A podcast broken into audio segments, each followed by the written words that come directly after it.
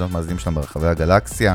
אנחנו צוות Music Business, אלון, עוני ברק, חגי גולדובסקי, מה קורה? מה המצב? התגעגעתי אליך. בואנה, גם אני. באופן קינקי ומפתיע, אבל התגעגעתי אליך, לא היינו פה איזה שבועיים ביחד. כן. אה, אז אה, אנחנו באמת רוצים להודות לכל המאזינות והמאזינים שמצטרפים לנו באפליקציית הסטרימינג וביוטיוב, אה, ובואו נציג את האורח שלנו ואז חסויות, ואז ניתן בראש תומר ישעיהו. תומר ישעיהו! ברוך הבא תודה רבה. למיוזיק ביזנס, כיף לנו שאתה איתנו. תומר יוצר, זמר, מפיק, נגן, מוזיקאי, אה, סופר עוד לא, נכון? אני מנסה להדיר את הטייטלים, אבל זה מספיק גם ככה. אז. אה, ברוך הבא. אלון, קודם כל, אתה יודע, קודם הקטע כל, שאתה וולקאם. שונא, אלון, ש- כן, לא, לגמרי, קודם כל, וולקאם, אחי, כיף גדול. תודה. ותשמע, תומר, אחי, זה בן אדם של תוצאות. אחי, זה בן אדם ש...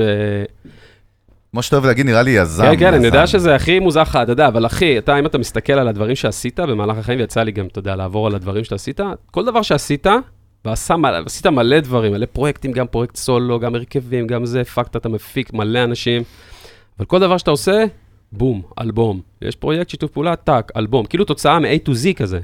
כן. אתה לא יודע אם שמת לב לזה, אבל אתה, לפחות ככה זה מופיע. אה, כן, בסוף. אה, כן, זה מה שיוצא בסוף, אז אני לא אתווכח עם זה, כן. תשמע, כי זה לא, אתה יודע, זה לא טריוויאלי. אנשים מתפזרים, אנשים, אתה יודע, עושים אלף דברים, לא סוגרים פרויקטים. זה בא בן אדם, אחי, יש לו בום, פרויקט סולו, טאק, אלבום, אתה יודע, עוטף את זה.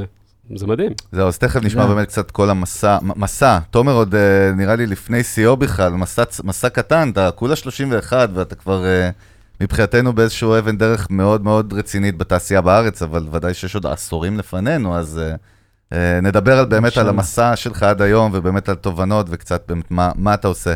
אה, לפני זה קצת, אה, אה, קצת חסויות, חסות אחת בעצם, קצת חסויות, זה פשוט נשמע יותר טוב, אבל החסות של. חסות אחת וחזרנו, מה שנקרא. חסות אחת וחזרנו, אז באמת כל הפודקאסט הנפלא הזה הוא, הוא אה, בחסות אולפני פלוטו, הפסיליטי הכי מדהים בארץ, ובית ספר להפקה מוזיקלית, ואנחנו היום בחדר האומנים למעלה, אה, מקום אהוב עלינו, את האמת כל חדר הוא אהוב עלינו, אבל איפה שתזרוק אותנו פה. כל אחד והווייב שלו, כן, בקרוב נעשה את זה קצת במקומות חדשים גם בפלוטו, בטח. אה, כמו המקלחת או המטבח, ננסה כל מיני אה, דברים חדשים. אז תודה לפלוטו והצוות הנפלא, ואנחנו צוללים, לא ממריאים, אנחנו צוללים. הם ראינו, עכשיו צוללים תוך הפרק. יאללה, בום, שוט. איפה מתחילים עם תומר ישעיהו? קודם כל, אתה יודע שאפשר גם להאזין לנו בכל פלטפורמות הסטרימינג, אתה סליחה, מודע לזה. נכון, זה גם קורה. שם, אחי, אנחנו ב Spotify, אנחנו נכון. ב Google Podcast, ב Apple Podcast, בכל מקום שיש לכם אה, Deezer, אינטרנט זמין. Stitcher, אפילו משהו שנקרא Yandex, שברוסיה זה מאוד חזק. Yandex וגם, נכון, וגם יש לנו ערוץ יוטיוב, שנקרא Music Business, ותבואו, תכתבו לנו תגובות, אנחנו מקבלים תגובות מדהימות, וזה כיף גם- לראות, זה כיף לראות שמשפיעים, שיש תזוזה, זה נכון. מדהים, מדהים, גם מדהים, מדהים. באתר של אה, פלוטו אה, אנחנו מופיעים, וגם בהחלט. באתר שנקרא Music Business, ואפילו אם פשוט, קיצר, רושמים מיוזיק ביזנס בעברית בגוגל, אתם תגיעו ותבינו על מה מדובר. בטח, וידעת שאפשר לכתוב, אה, אפשר- לכתוב גם reviews ב Apple אה, פודקאסט, זה ב Apple כיף. לא, לא שמתי לב. אתה יכול לכתוב אה. תגובות, זה כיף. כתבו משהו? כיף, כתבו וזה כיף, ותכתבו עוד. יאללה, ליגה. אנחנו איתכם. טוב, אז אה, תומר ישעיהו, קודם כל, בואו תספר לנו קצת, מה שנקרא, in a nutshell, מאיפה התחיל המסע שלך למוזיקה, זאת אומרת, מה החיבור? כאילו, מאיפה זה הגיע? אה, המסע למוזיקה, אה, תשמע, קודם כל הוא כל יום, ברור. הוא קורה. אז אני... איפה נכנסת? בוא נגדיר את זה כן, יותר. אה, אני חושב, לא, לא יודע, שהתחלתי לנגן אולי באזור אזור גיל 13 כזה. אוקיי, כזה. מה, גיטרה? גיטרה, כן. אה, זה גם קרה בטעות כזה, שאני הייתי שומר על אחי הקטן, מביא אותו מ- מבית ספר, אה, והיה לו אה, מין אה, חוג כזה, שנתנו ל- להוא חלילית, להוא... לא נתנו חצוצרה בכיתה א', לאחי הקטן. אתה אומר את זה בבאסה. לא, מה פתאום, הוא כזה חמוד, מוכשר, הוא מנגן עד היום. וזה, והכל אה, זה. אבל אה, אני חיכיתי לו. הבאסה היא זה שהייתי צריך לחכות לו, ווואלה, שיאמם לי גם וזה. ופתאום עבר אה, מורה לגיטרה, וחשבתי לעצמי, וואלה, אולי אני... זה לא שבאתי מבית, זה לא בית מוזיקלי, או זה... הקלאסי, כן, שמספרים. נקלענו, גם אני וגם אחי, איכשהו נקלענו למוזיקה, כאילו, זה לא, זה לא הוט- הוטמע בחינוך אצלנו. אמ, ואז אה, שאלתי את אימא שלי אם אפשר אה, ללמוד גיטרה, בזמן ש... לפחות בזמן שאני מחכה ל- ל- ליונתן וזה. אז היא אמרה כן, ומשם זה בעצם התחיל, כאילו, ממש, אה, תפ... זה נתפס לי כזה, לא יודע, כאילו, אהבתי את זה, מאוד. אוקיי. שם זה התחיל. ואז צבא. ואז צבא להקה צבאית, אשכרה, לא ידעתי. כן, גיטריסט בלהקת הנחל. דרך אגב, לא מובן מאליו, שם רוב המוזיקאים מפ- מפסיקים להיות מוזיקאים בצבא, אתה יודע. כן. זה, האמת, יש לי מזל, אה, בסדר, לא, נ- לא נלך אה, לספר את כל הזה, אבל אה, התקבלתי ממש על הקשקש כזה, להקה אוקיי. צבאית. זה גם יכל... זה מה שרצית גם? לא. אני לא ידעתי מה רציתי, הייתי בן 17, 17 וחצי, אתה לא יודע מה אתה... גם היום אני לא כך יודע, אני נותן לדרך להוביל אותי כזה, אבל...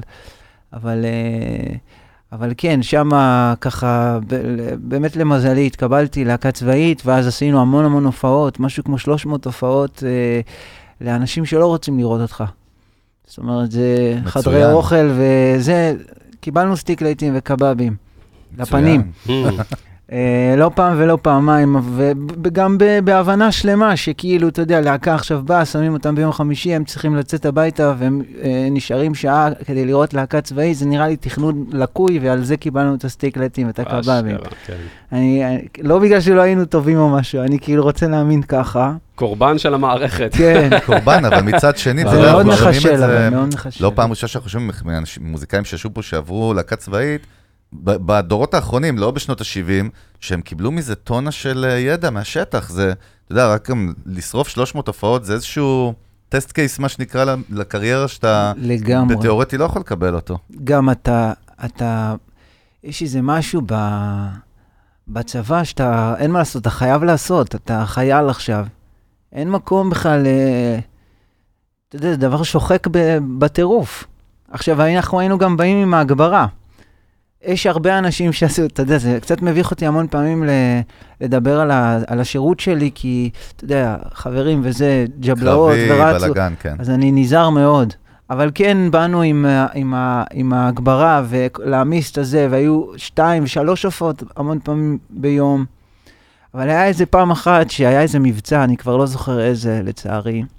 ששת הימים? כן, ששת הימים, אתה יודע. הכל כלול, מבצע הכל כלול. אז הלכנו לשיר במקלטים, אה, זה, ו, וגם לחיילים ב- בגבול, אבל באחד המקלטים, אה, איזה ילד בא ואמר לי, למה אתה פה? לך אה, תילחם במי שזורק עלינו טילים. הוא אמר את זה קצת יותר גס, אבל, אבל נעגל את הפינות.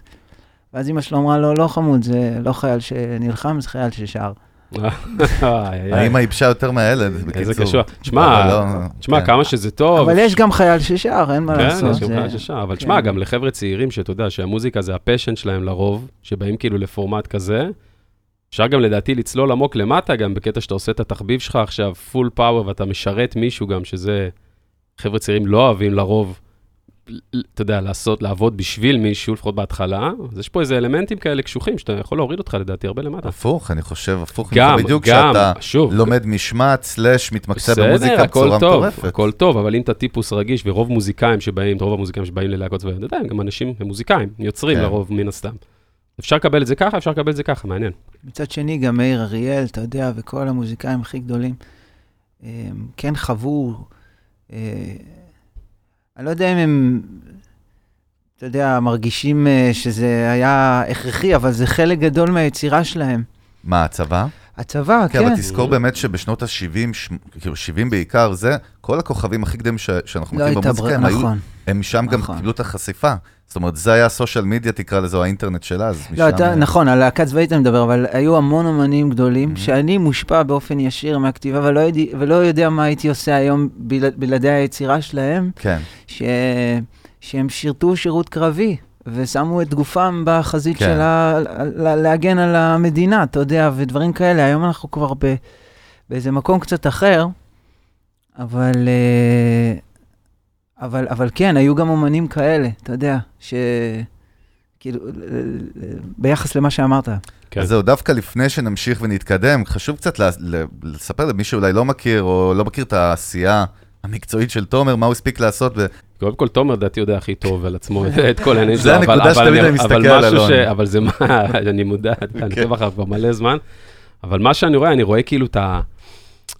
כי אני מוזיקאי ואני בשטח, וגם בסושיאלס, וגם, ב- אתה יודע, בשטח, אני רואה כל הזמן את ה- את העלייה שלך כזה, איך שאתה נוסק למעלה, גם ברמת פתאום, הפקה. אתה יודע, כל הפ- הפקה מוזיקלית והאמנים שבאים, פתאום כל איזה אמן, לא, אני אגזים ואני אומר, חמישי, שישי שאני רואה, סתם, אני מגזים, פתאום אני רואה, הופה, אתה אומר, זה, אני רואה, מכיר מלא אנשים, בטח, תומר ישעיה, וישר אתה שם פליי, ואתה שומע את ה... הסיגנצ'ר. אתה שומע את הסיגנצ'ר, כאילו, אתה אומר, אין, זהו, זה כאילו חותמת, חותמת שלך, כאילו, שהצלחת לייצר עם השנים, וגם גם בתור אמן סולו, כאילו, גם בתור סולו בכל הקריירת סולו שלך, וגם בכל הפרויקטים שעשית, ואנשים, כאילו, שבאים מן הסתם למפיק, זה האידיאל, בתור מפיק מוזיקאי, לבוא וכאילו, באים אליך, יש לך סאונד מסוים, כאילו, הצלחת לייצר לעצמך איזשהו, איזשהו גוון כזה.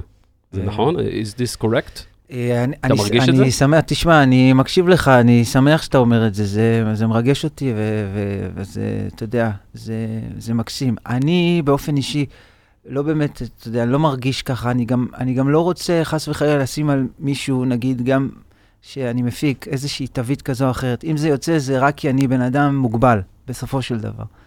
אני גם מרגיש שאני עובד מתוך המוגבלות שלי דווקא, זאת אומרת, משם אני... הפוך, אני חושב גם באמת יוצר. שבגלל זה הם רוצים דווקא את זה. יכול להיות, אתה יודע. אמ, אני יכול להגיד שאני מקבל גם, אתה יודע, אה, אה, לא מעט אה, פניות, המון פעמים להפקה וזה, אבל אה, איפה שאני יודע שאני באופן טבעי אצטרך להוציא פלטת צבעים אה, ככה אגרסיבית, אני לא אקח את ההפקה הזאת. זאת אומרת, דווקא אני תמיד רוצה לגשת למקומות שהם... אה, שיש איזה משהו שאני יכול לתת, אבל זה לא יצבע יותר מדי. זאת אומרת, אה, אבל אני עוד לומד את הדבר הזה, לומד הפקה מוזיקלית, לומד את ה... ראיתי את הפודקאסט, את הפודקאסט עם אה, יוסי. אה, הוא מפיק מוזיקלי.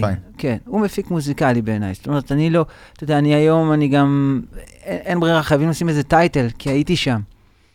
אבל בגדול אני עוד לומד את הדבר הזה, כאילו, לוקח הרבה מאוד שנים של uh, ישיבה מול אנשים ועם עצמך לבד, כדי באמת להבין את זה, איך אתה יכול לזקק בן אדם ואת היצירה שלו. אז כן, באמת בואו רק נחזור למה שרצינו, בדיוק. שבאמת קצת לספר על... קודם כל, ב-2014 הפקת את תקליט הבכורה של ג'יין בורדו, לא פחות ולא יותר. כן, בטעות. ש- מצו- כן. כל- אני שומע שכל המסע שלך הוא בטעות, זה קטע איתך. ככה אני מרגיש. סבבה, זה ה vibe, מצוין. כל אחד והמסע שלו.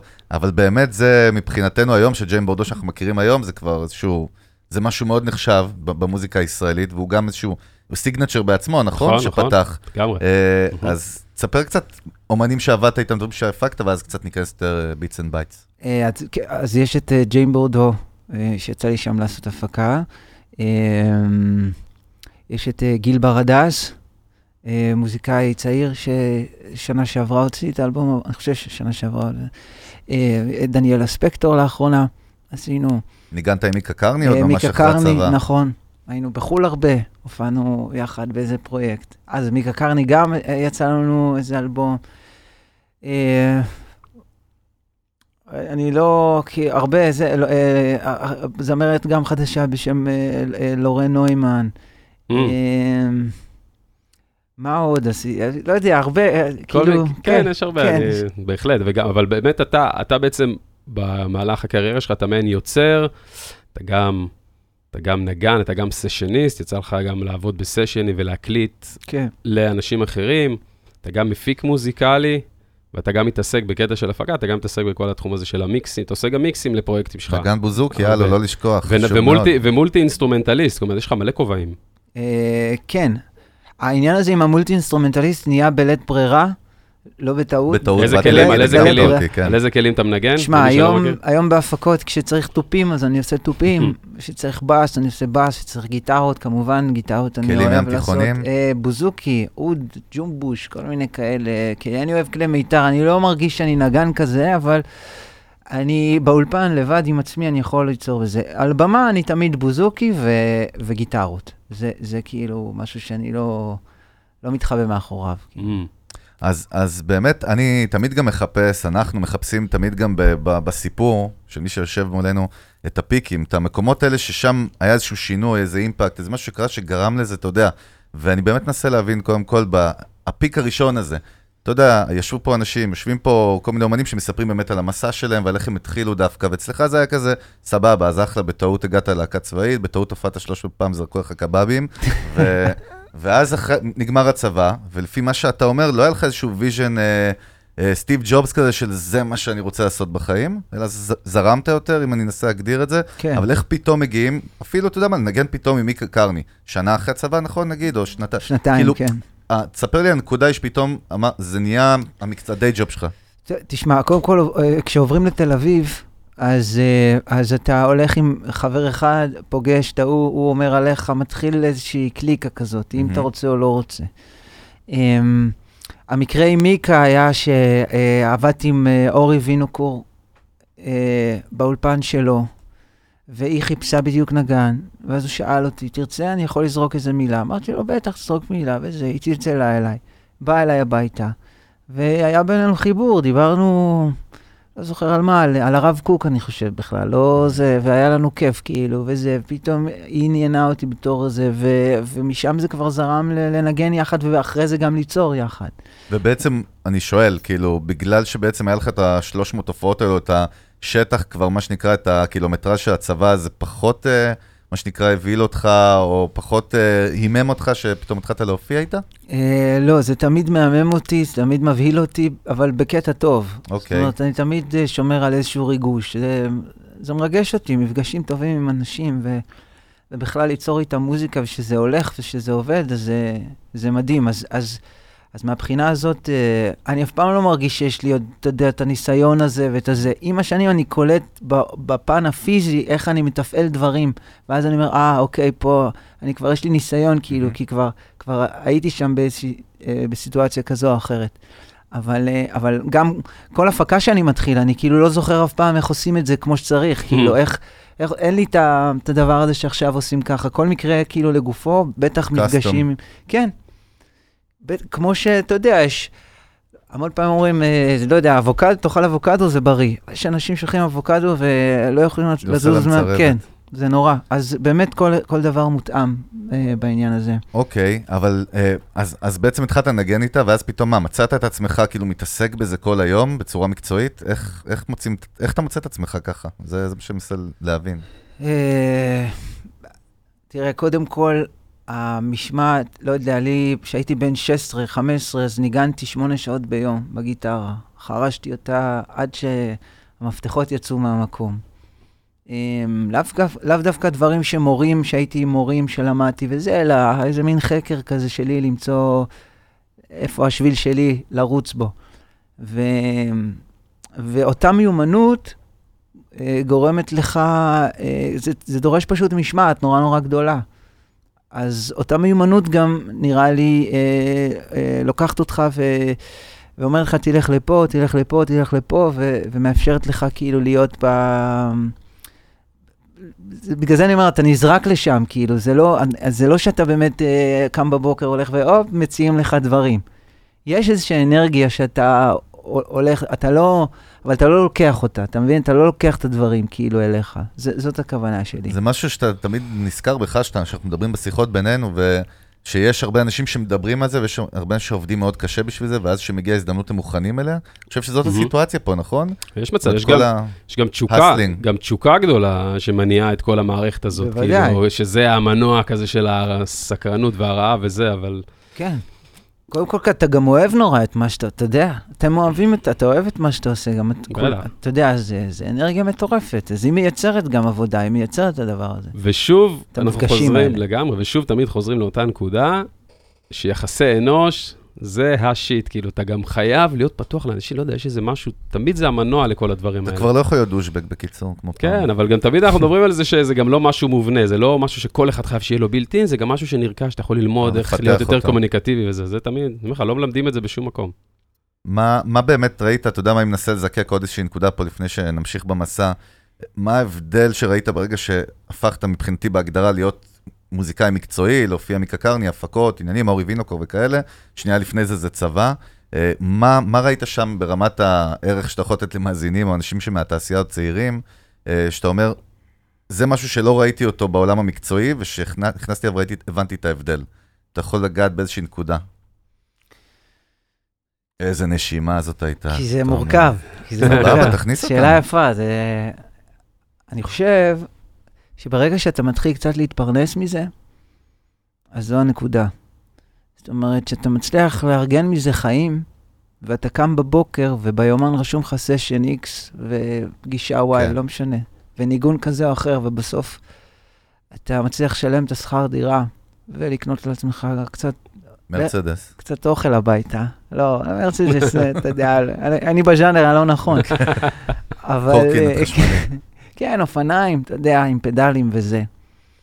אז זה, זה איזשהו שלב אה, שאתה אומר, אוקיי, כי, כי אני חושב שבסוף אה, האנרגיה הזאת של הבן אדם שהוא מתחיל לעשות משהו שהוא אוהב, היא לא משתנה.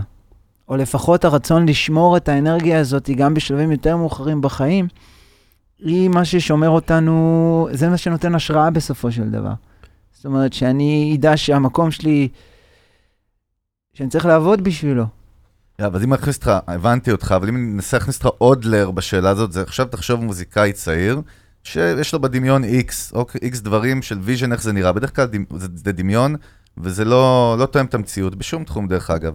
אז אה, מה דווקא, כאילו, הוא לא רואה שאתה רואה, זאת אומרת שאתה נכנס לשם, כאילו, בעיניים של אותו, או אותה מוזיקאית שהם חובבנים ורוצים להיות מקצועיים. זאת אומרת, מה הם לא יודעים על התעשייה, אם נשאל את זה בצורה תשמע, אני גם לא יודע המון, אני גם מגלה. צנוע, אחלה. לא, באמת, אתה- באמת, מה, מה מגלה. גילית? עזוב, אני יש- שואל מה גילית. יש רגע, אני שנייה אתפרץ פה, ב- יש, יש. רגע שאתה, שאתה מוזיקאי, שאתה מבין שזה מה שיש לך. שעם זה אתה עכשיו מנצח, כאילו, אתה, זה מה שאתה עושה, כאילו, יש איזה רגע שזה נוחת עליך כמו איזה פטיש, או תודעה כזאת שאתה מבין שזה העניין שלך, לטוב ולרע, כאילו, ושם אתה צריך כאילו...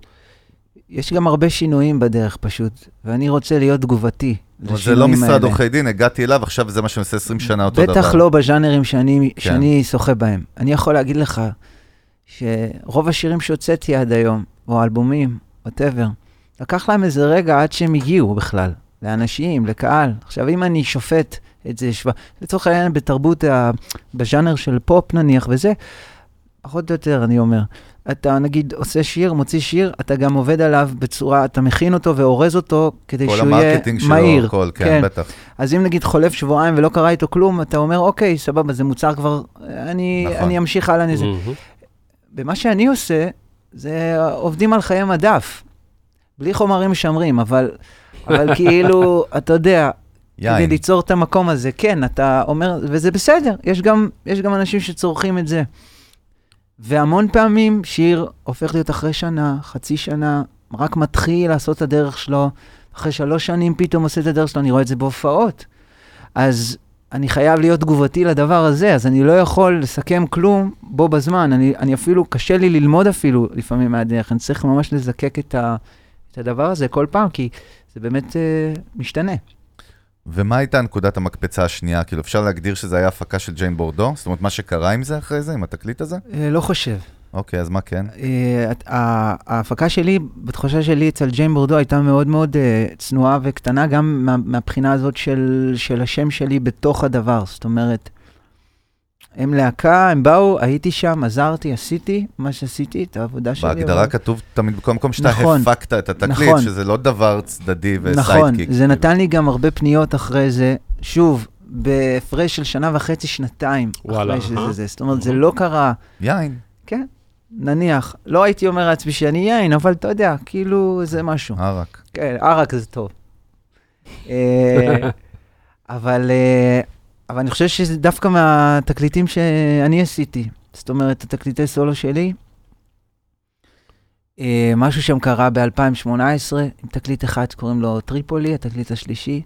לא יודע, הסתדרו שם דברים, ופתאום הרדיו התחיל לשדר את זה בכמויות לא קטנות.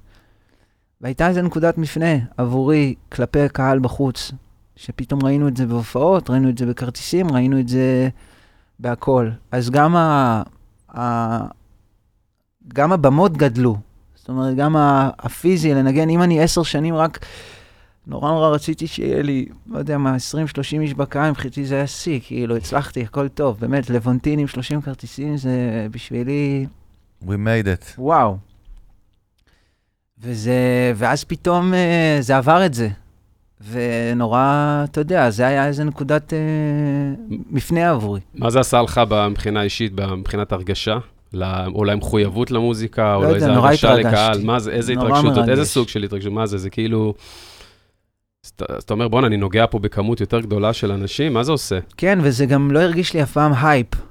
אתה מבין? זאת אומרת, לא הרגשתי שזה בא מאיזה מגניבות, או איזה משהו חד שעשיתי פתאום, או איזה משהו, זה פשוט כזה, הגעתי לתחנה ש... אה, הנה כל האנשים, איזה קטע, הלכתי ברגל, אתה יודע, והייתי באיזה מדבר, כן. ופה ביקשתי מההוא, אפשר קצת מים, אפשר קצת זה, אפשר קצת זה, ואז פתאום הגעתי ל...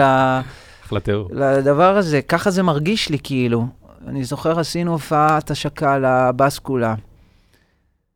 אני חושב שהיו איזה ארבעה מוזמנים, וכל השאר כרטיסים, המקום היה מלא, אתה יודע, ואנחנו עומדים ככה, ואנחנו יודעים, גם אני, גם המנהל שלי, שהולך איתי כבר דרך, אנחנו מסתכלים אחד על השני ואומרים, בואנה, זה, זה נשאר הדבר הזה, אבל זה לא ב... אנחנו לא מזהים את האנשים בקהל, משהו פה לא בסדר. כאילו, כן. זה לא משפחה וחברים. כן, זה היה רגע מין כזה. כאילו, גם המשפחה והחברים באיזשהו שלב הפסיקו לבוא. אז. איזה כאילו, כיף, בזה- משפחה. וחברים. אתה יודע לכמה מוזיקאים, מה שאתה אומר עכשיו זה כאילו... כן, המשפחה והחברים הפסיקו לבוא, שם זה נגמר, אבל אז באו עוד המאות אנשים האחרים, אתה יודע, זה אז תקרת זכוכית ש... זה בהחלט רגע מכונן. זכות גדולה, כן. זה רגע מכונן שאתה רואה פתאום קהל שלא הכרת, אני מניח איזשהו בייס שפתאום נוצר ו... כל הופעה זה ככה, כן. מאותו רגע. אני עוד לא באמת מתרגלת, אני לא, תשמע, אתמול, אספר לכם סיפור, אתמול הלכתי, אה, אה, איפה זה היה? ברחוב לינקולן. אני לא הולך ברחוב לינקולן, אבל הלכתי ברחוב לינקולן, וניגש אליי, מישהו עובר אותי עם אופניים חשמליים כזה, ואז הוא חוזר. והוא צועק, אתה לא מאמין, אתה לא מאמין, אתה לא זה זה זה. שם לי באוזן את האוזניות שלו. ואני שומע אותו שר, שיר שלי. באוזניות שלו, אתה שומע אותו? ואז הוא? אומר לי, לא עוד יומיים. אתה שומע הקלטה שלו שם? שלו? כן, שלו? שר שיר של אה, קיץ, זה נקרא, אוקיי. מהאלבום הלפני האחרון. ואני, ואני שומע, ואני אומר, יואו, איזה מקסים, איזה יופי, איזה זה, והוא מתרגש כולו, אתה יודע, וזה, ואני אומר לו, ואני, אתה יודע, אסור לחבק וזה, אז אני כאילו לא... אבל היה בינינו איזה, איזה התרגשות נורא גדולה, וקוראים לו עובדיה. ואני, והוא אומר לי, אבל אתה לא מאמין מה הקטע הכי מטורף. אני עכשיו עושה חזרות עם עצמי, אני הולך לשיר את זה לארוסתי בחתונה בעוד יומיים. די, בן אדם. ואני. מבחינתי, אתה יודע, זה... חזק. לא, זה, זה, זה הכל, אתה יודע, זה הדברים הקטנים האלה שאתה מגלה שהחיים בסוף הם, הם ככה. נקודות. כן, ואני, ואני אני ממש מוקיר תודה על זה, אתה יודע.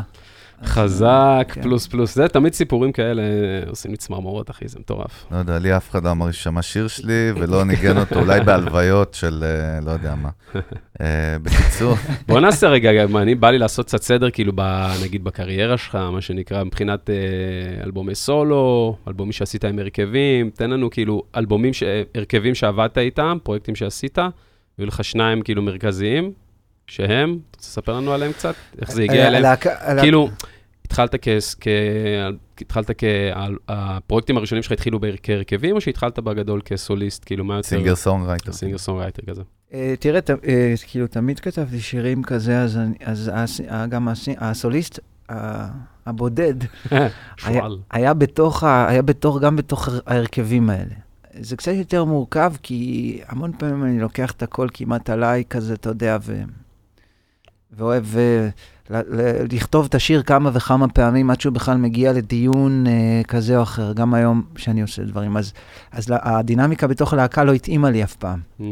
אבל היה את ההרכב בעצם את אה, איזיה, נכון? נכון, כן. שזה ההרכב הראשון. כן, איזה שנה אנחנו מדברים? 2013.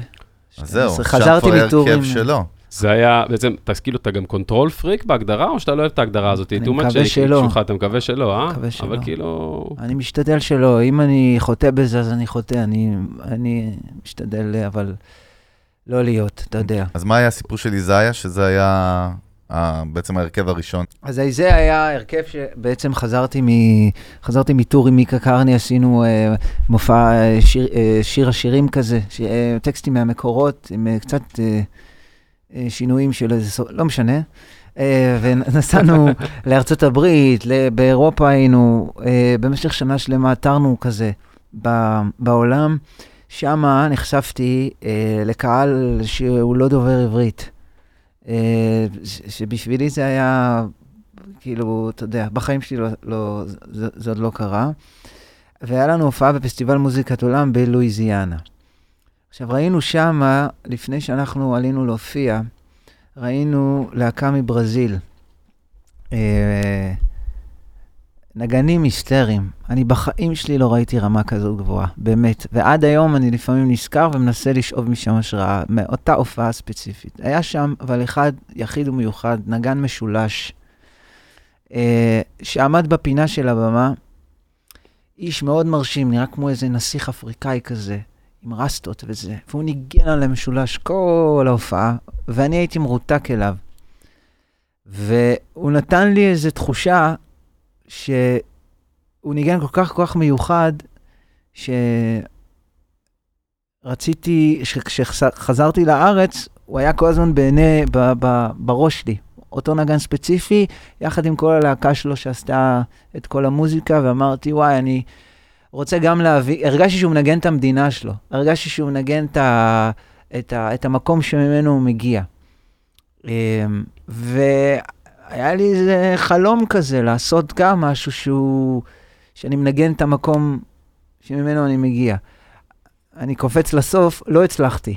אבל הניסיון, כל הלהקה הזאת, האיזאה הזה, זה, זה ניסיון שלי להביא את העולמות שלי, אם זה הנגינה בבוזוקי והנגינה בגיטרה. מה זאת אומרת? מאיפה? מה זה העולמות שלך? מה, מהמשפחה? מה? מה? הכוונה העולמות שלך? אני גיבור הגיטרה שלי זה ארי סאן. אוקיי, יווני.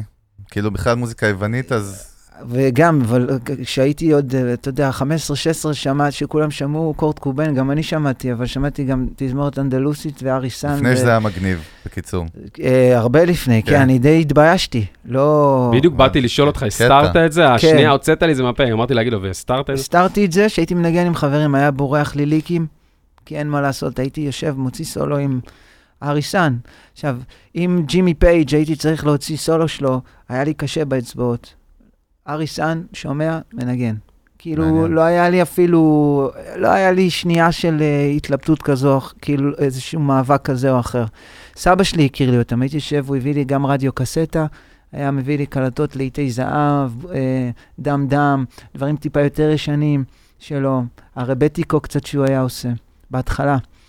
ועל זה, בעצם, שם זה עיצב לי איזשהו מקום. בום פעם גם עוד לא היה, אני מבין, אז, נכון? לא. כלום. לא, אבל זה התחיל בדיוק כשאני הגעתי, אני חושב, לתיכון וזה, אז שם בום פעם התחילו וזה, אבל...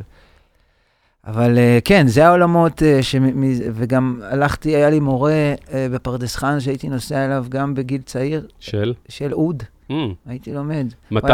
כן. עושה לי שיעור פרשת השבוע, ומלמד אותי אוד. זאת אומרת, גם היה לי איזה חיבור תמיד ל... לסיפורים, לפרשת השבוע, לדת, ליהדות, כן. ודרך זה גם המוזיקה, אה, זה עד היום קורה.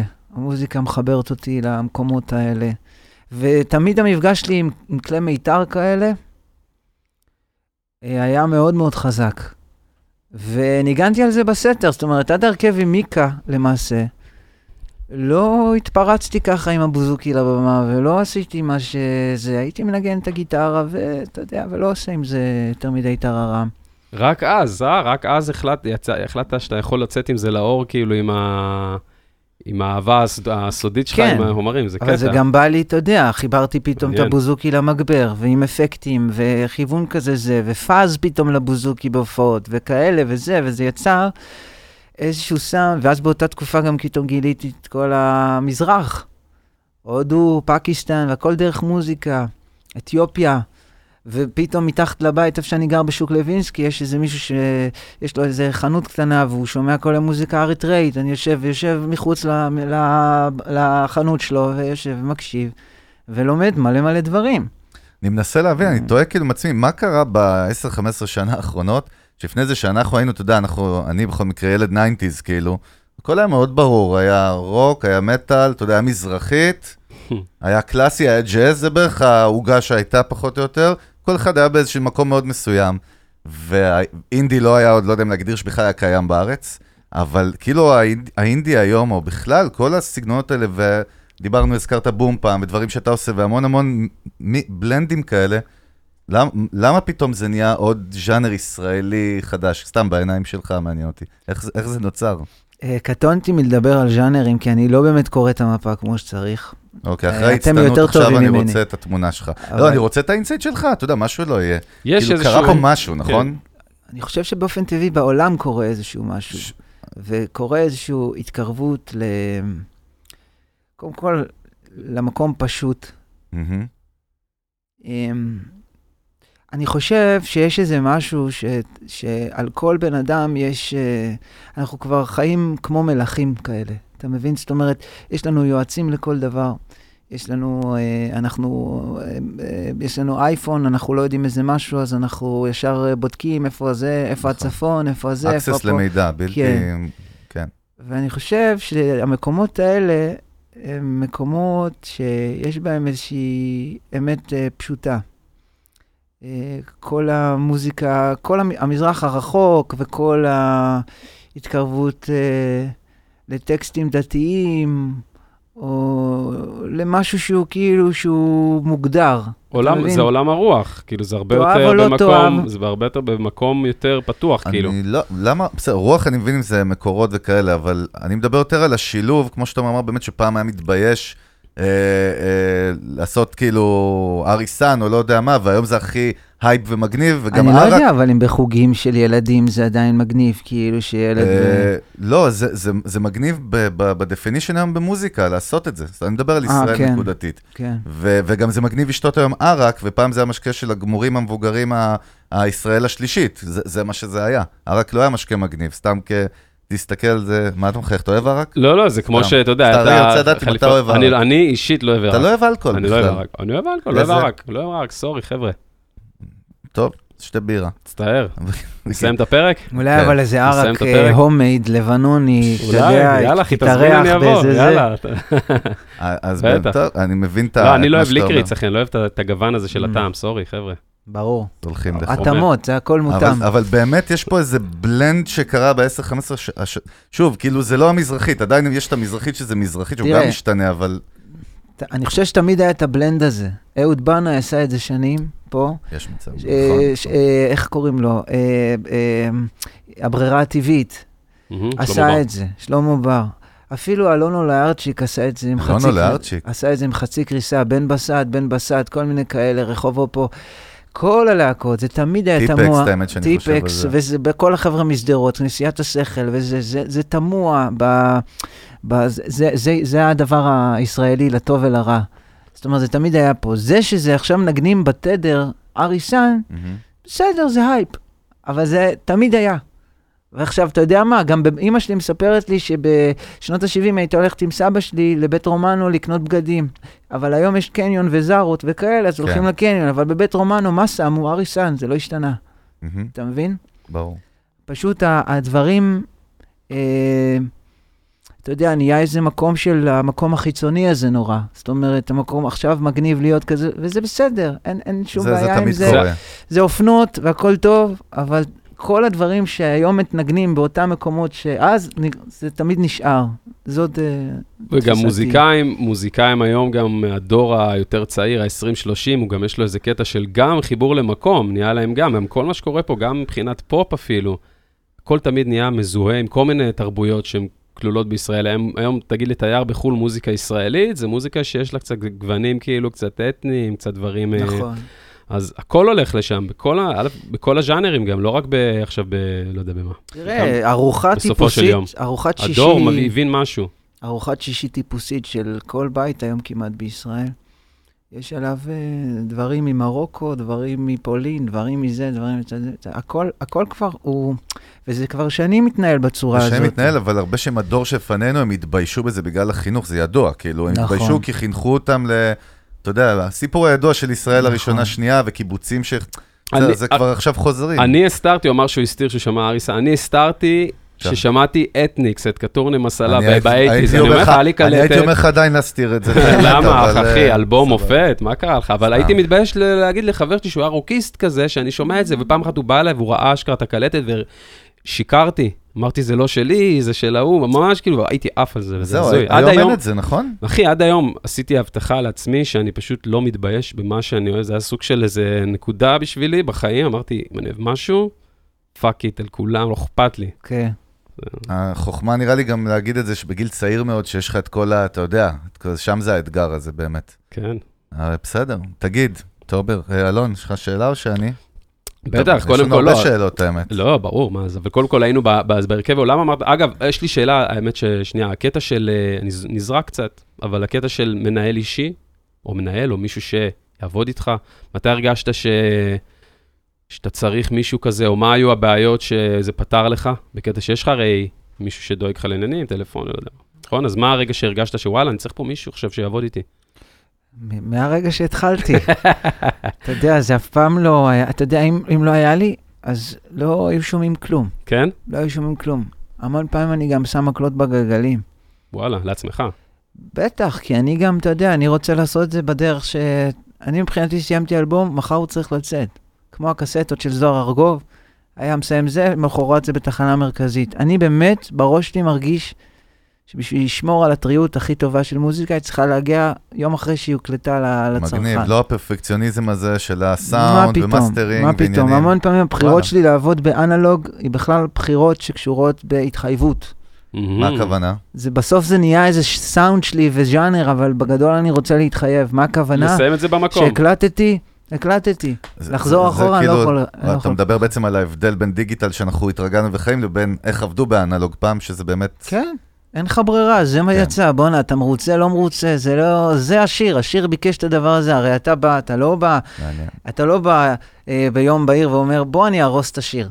אתה לא עושה את זה, אתה אומר, להפך, אני אבוא ואעשה את זה הכי טוב. ואם זה מה שיצא באותו יום, למה, למה ל- לחזור אחורה ולנסות, ואתה יודע. אז אני באמת מפריד פה דווקא בין פופ לז'אנרים כאלה, כי שם שזה כזה מהודק ומתוכנן מראש, אני לא חושב שיכולים להסתכל על זה נגיד זה ככה. פשוט שני דברים שונים דברים באותו שונים. ענף.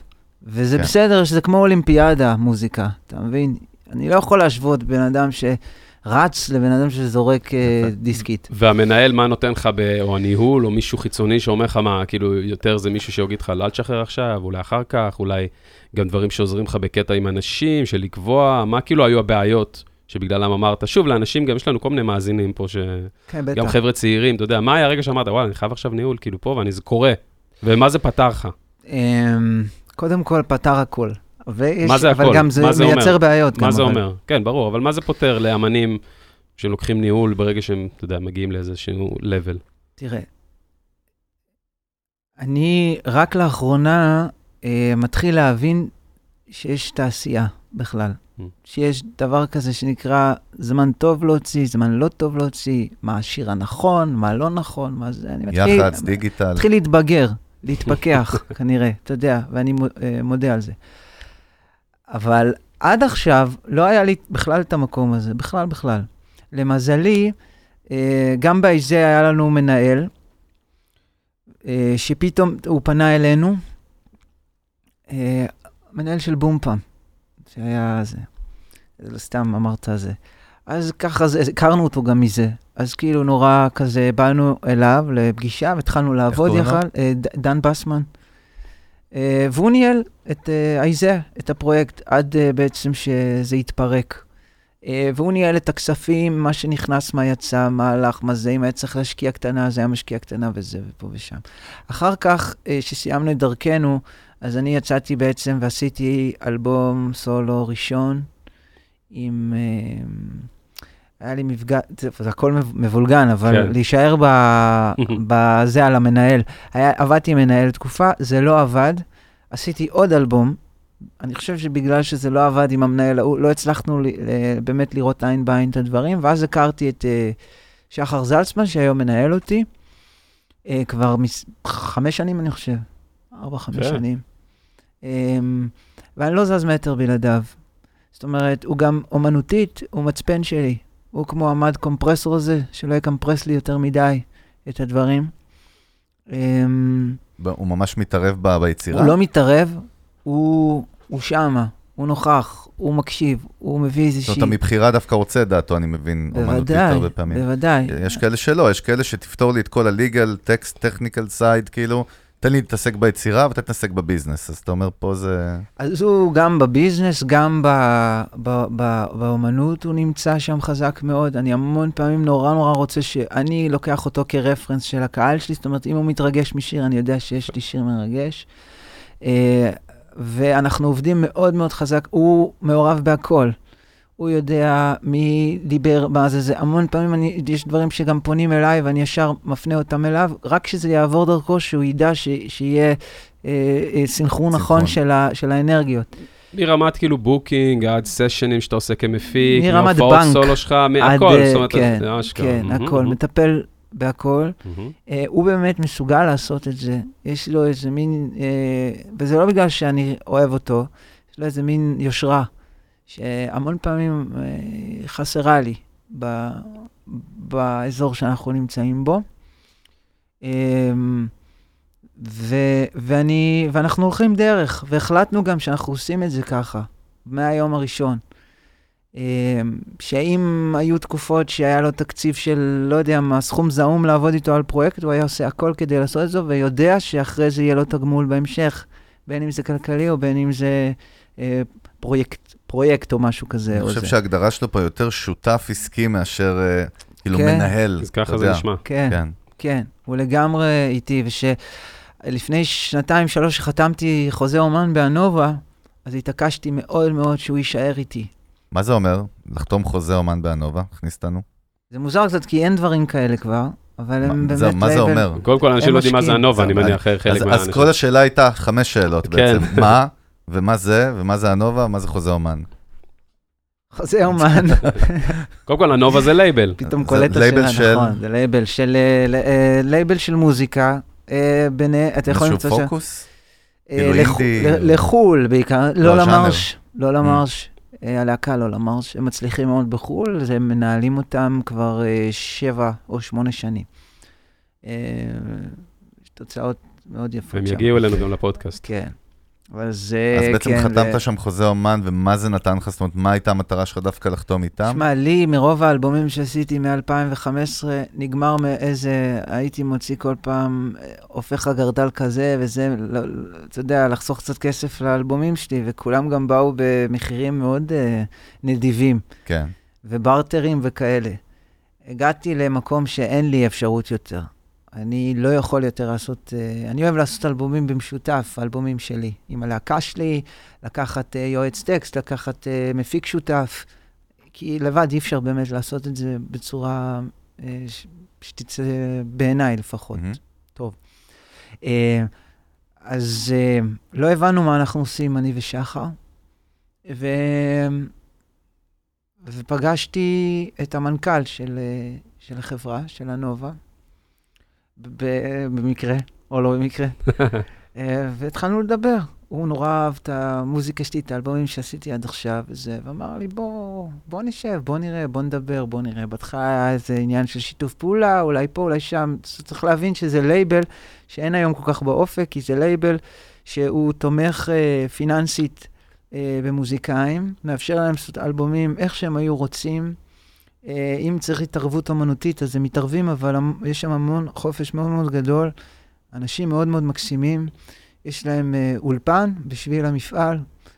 אה, וזה, ו, וכמובן שיש אה, יש, אה, החזרים בסופו של דבר, ויש חוזה, ויש זה, אבל זה כן נפרס אה, לאורך שנים, ש, שזה דבר שהוא מאפשר לנו, אומנים ש, שלא מביאים את הכסף במיידי, אלא יכולים לפרוס אותו לתשלומים, מה שנקרא. אנחנו יכולים לעבוד עם, ה, עם הדבר הזה. זה לייבל בעיניי מאוד מאוד חשוב. עד כמה, עד כמה זה מחייב חוזה אומן? זאת אומרת, מה, עד כמה אתה, מה שנקרא, פעם היו קוראים לזה דרקוני, או דרקוני. אני אומר דרקוני. לא, אין, מאז... דרקוני, היה תוכנית כזאת. דרקוני. תוכנית ילדים עם דרקונים. אבל באמת, אתה יודע, פעם באמת, כאילו, ידוע, לייבלים היו הרשעים, ושתופסים וחונקים לך, ואתה שלהם עכשיו. תראה? זה תעשייה. הרשעים. אתה יודע, אני לא... לא, לא, ספציפית, אבל פה עד כמה, זאת אומרת, מה, עד כמה אתה מוגבל או לא מוגבל? אני לא עובד? מוגבל, להפך, אני... למה אתה מחויב? בוא נשאל הפוך. אני מחויב ללי, ללייבל, אני מחויב ל, למה? לשתף. אתה יודע, אם כמוזיקאי עצמאי, אני עושה מה שבא לי, כן. אז פה אני, אני משתף. משתף במה? במה זאת אומרת משתף? משתף ב, הכוונות שלך? בכוונות, ברצון שלי לעשות, אה, אתה יודע, תקליטים, ואז בתוכו עם מי אני אעבוד, איך אני אעבוד, מה אני אעשה, מה זה, זה, זה. זה- אמ, זה דורש תכנון כאילו קצת, אה, כן. יעני, מה שנקרא, עסקי זה- קדימה קצת, כמה צעדים. וגם, זה דורש. וגם, וגם, וגם. אתה יודע, בסופו של דבר יש פה גם אחוזים על אה, זכויות יוצרים, או, זה הרבה מה מאוד שרציתי שנים. להבין. אה, מי- למי שייך בעצם, מה הם מקבלים? מה המוצר שהם מקבלים אז על כל, על? כל, על כל האלבומים שהם אה, אה, הם מעורבים, מפיקים כן. ומעורבים, אז יש בינינו את החוזה ואת החלוקה שסגרנו בינינו, אה, לא יודע מה, 15-20 שנה אוקיי, קדימה, ברור. שמאפשרת לי לחיות בכבוד וגם להם אה, לעשות את זה בתנאים שהם אה, ראו לנכון לעשות את זה. מדהים. אמ, אז מהבחינה הזאת, לא באמת קיימים, אולי בחו"ל, אבל בשוק כמו בישראל, לדעתי אין לייבלים שפועלים בצורה הזאת.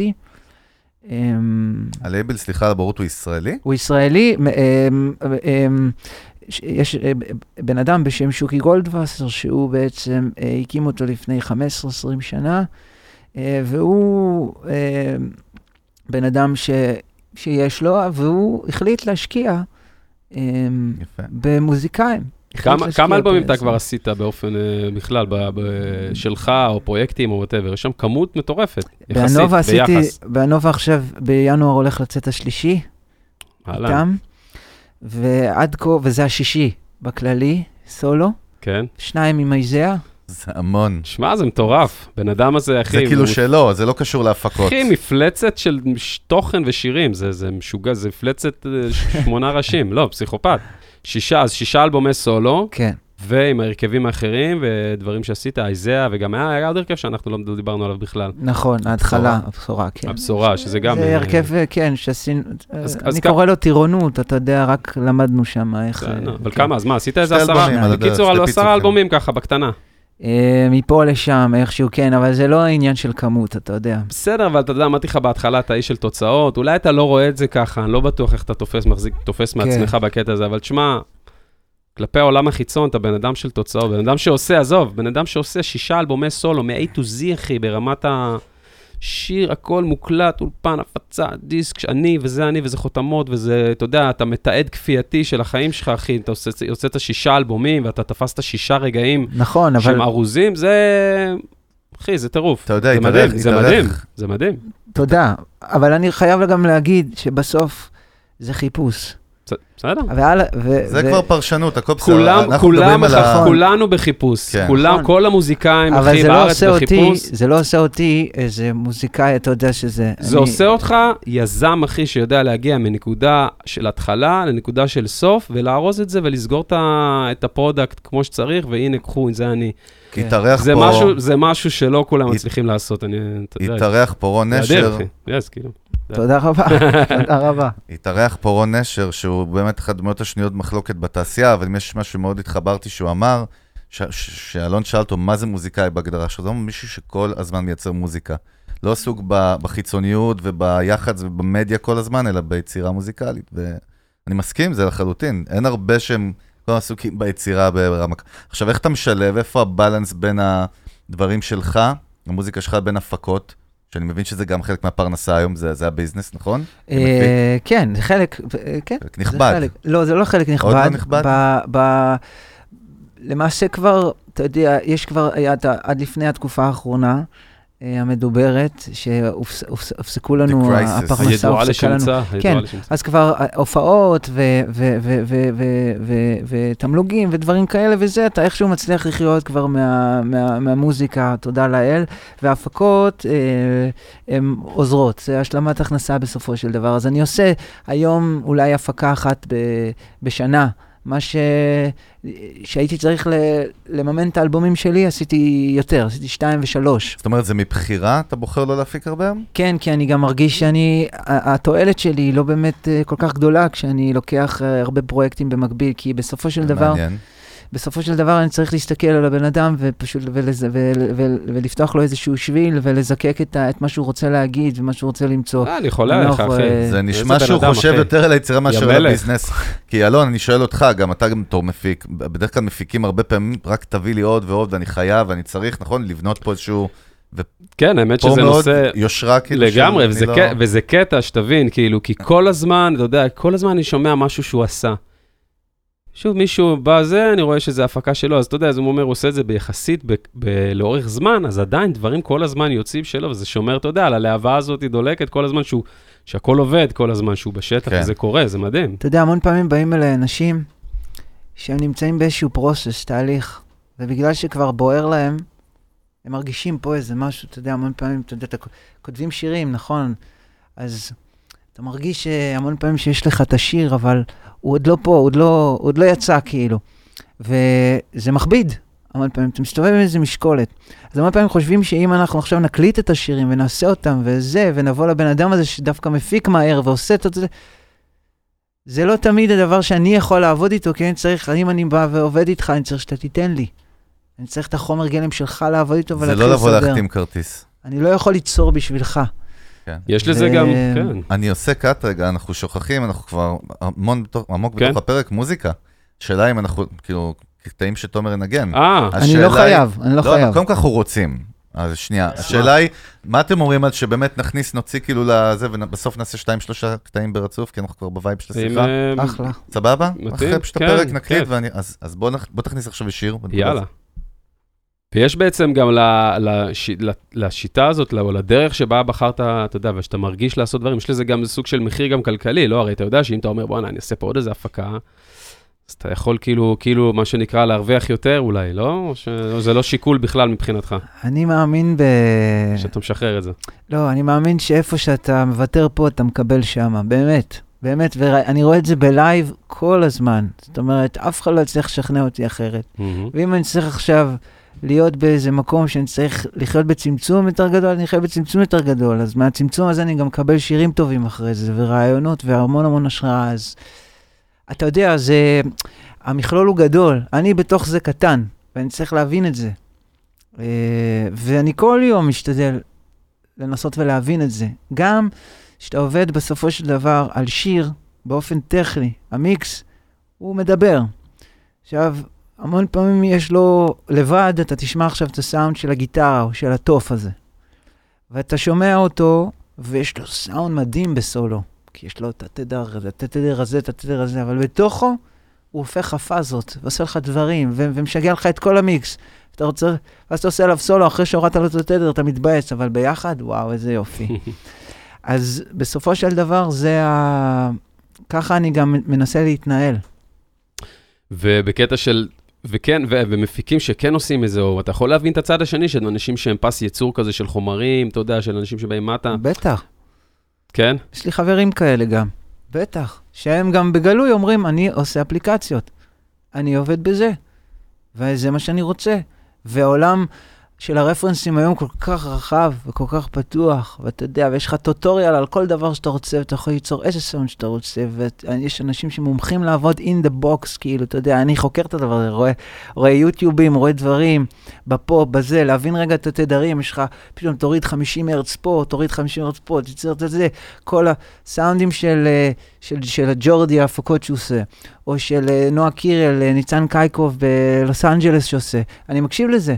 אני כן רוצה גם להיות מחובר למה שזה, וזה כמו איזה חוויית אסיד בשבילי המון פעמים.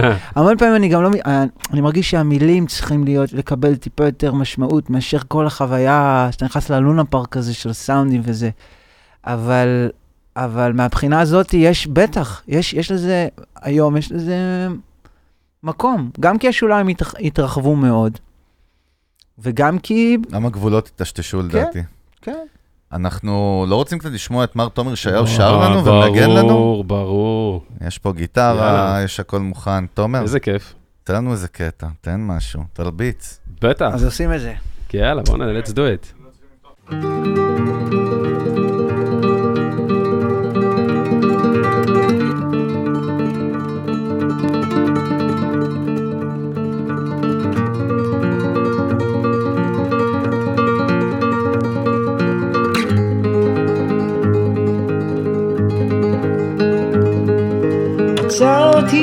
עצמי מלומר לה מילים לא יפות. על קצה לשון כוסס ציפורניים עצבים בכמויות רציתי לאהוב אותה, רציתי בלי לומר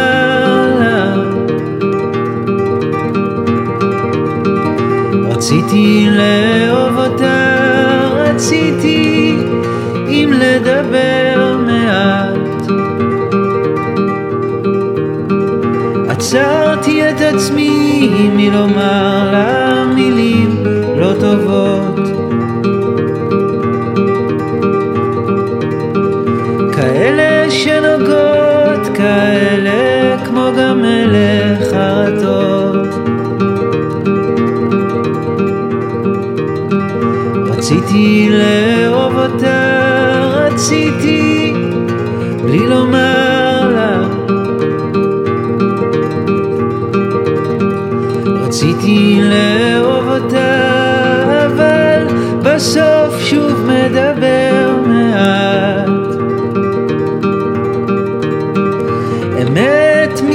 מתפשטת, נושקת בכתף ובצוואר. עד שנעים לי, עד שזה נגמר.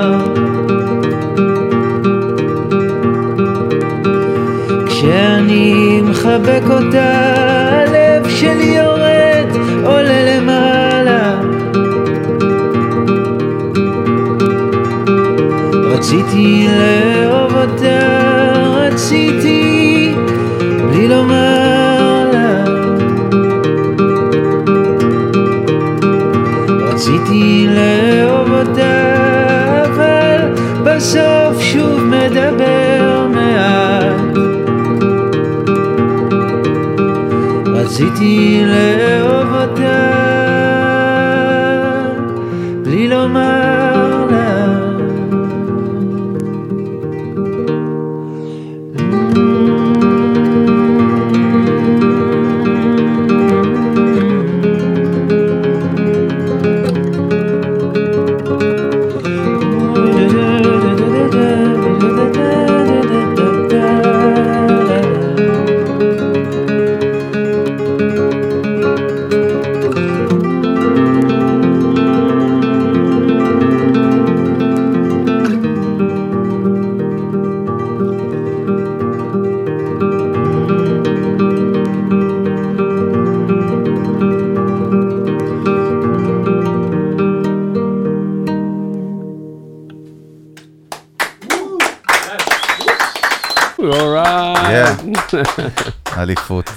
כיף שאתה איתנו, תומר, מרגש.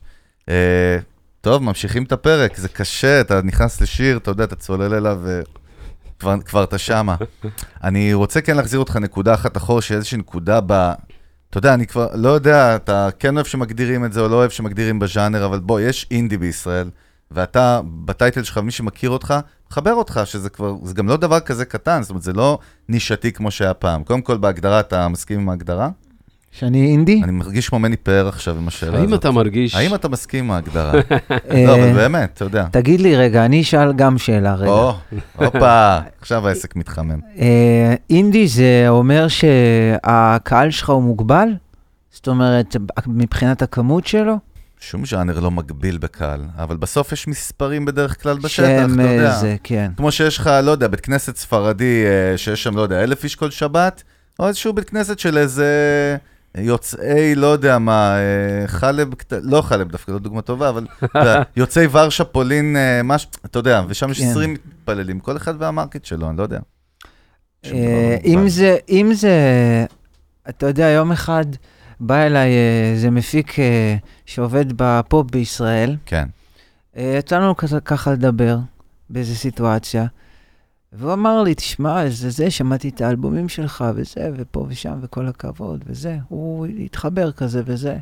ואז הוא שואל אותי, תגיד, אבל אתה לא חושב שהגעת לתקרת זכוכית שלך? כאילו, מה תעשה פה כבר? צא החוצה, לך תזה, תחזור. הרבה אומרים לי גם, מה זה, תשאיר באנגלית, תשאיר בזה, תזה, עד ש... וא', אני לא מחזיק מעצמי איזשהו אומן אינדי כזה או אחר. אני, אני, אני, אתה יודע, אותו עובדיה של אתמול, הוא רק מוכיח לי ש... כן, מעניין. אתה יודע, אני לא... שזה פורץ אה, את ה- את ה- את ההגדרות של כן, הז'אנר. הוא שר איזה לארוסת, לא, פה, שם, אתה יודע, הוא מדבר איתי. אז אני אומר, אז אני אומר כאילו ש, שזה... ש, ש, ש, רגע, מה הייתה ש... בדיוק, אני גם מנסה לחשוב. חמוד אתה.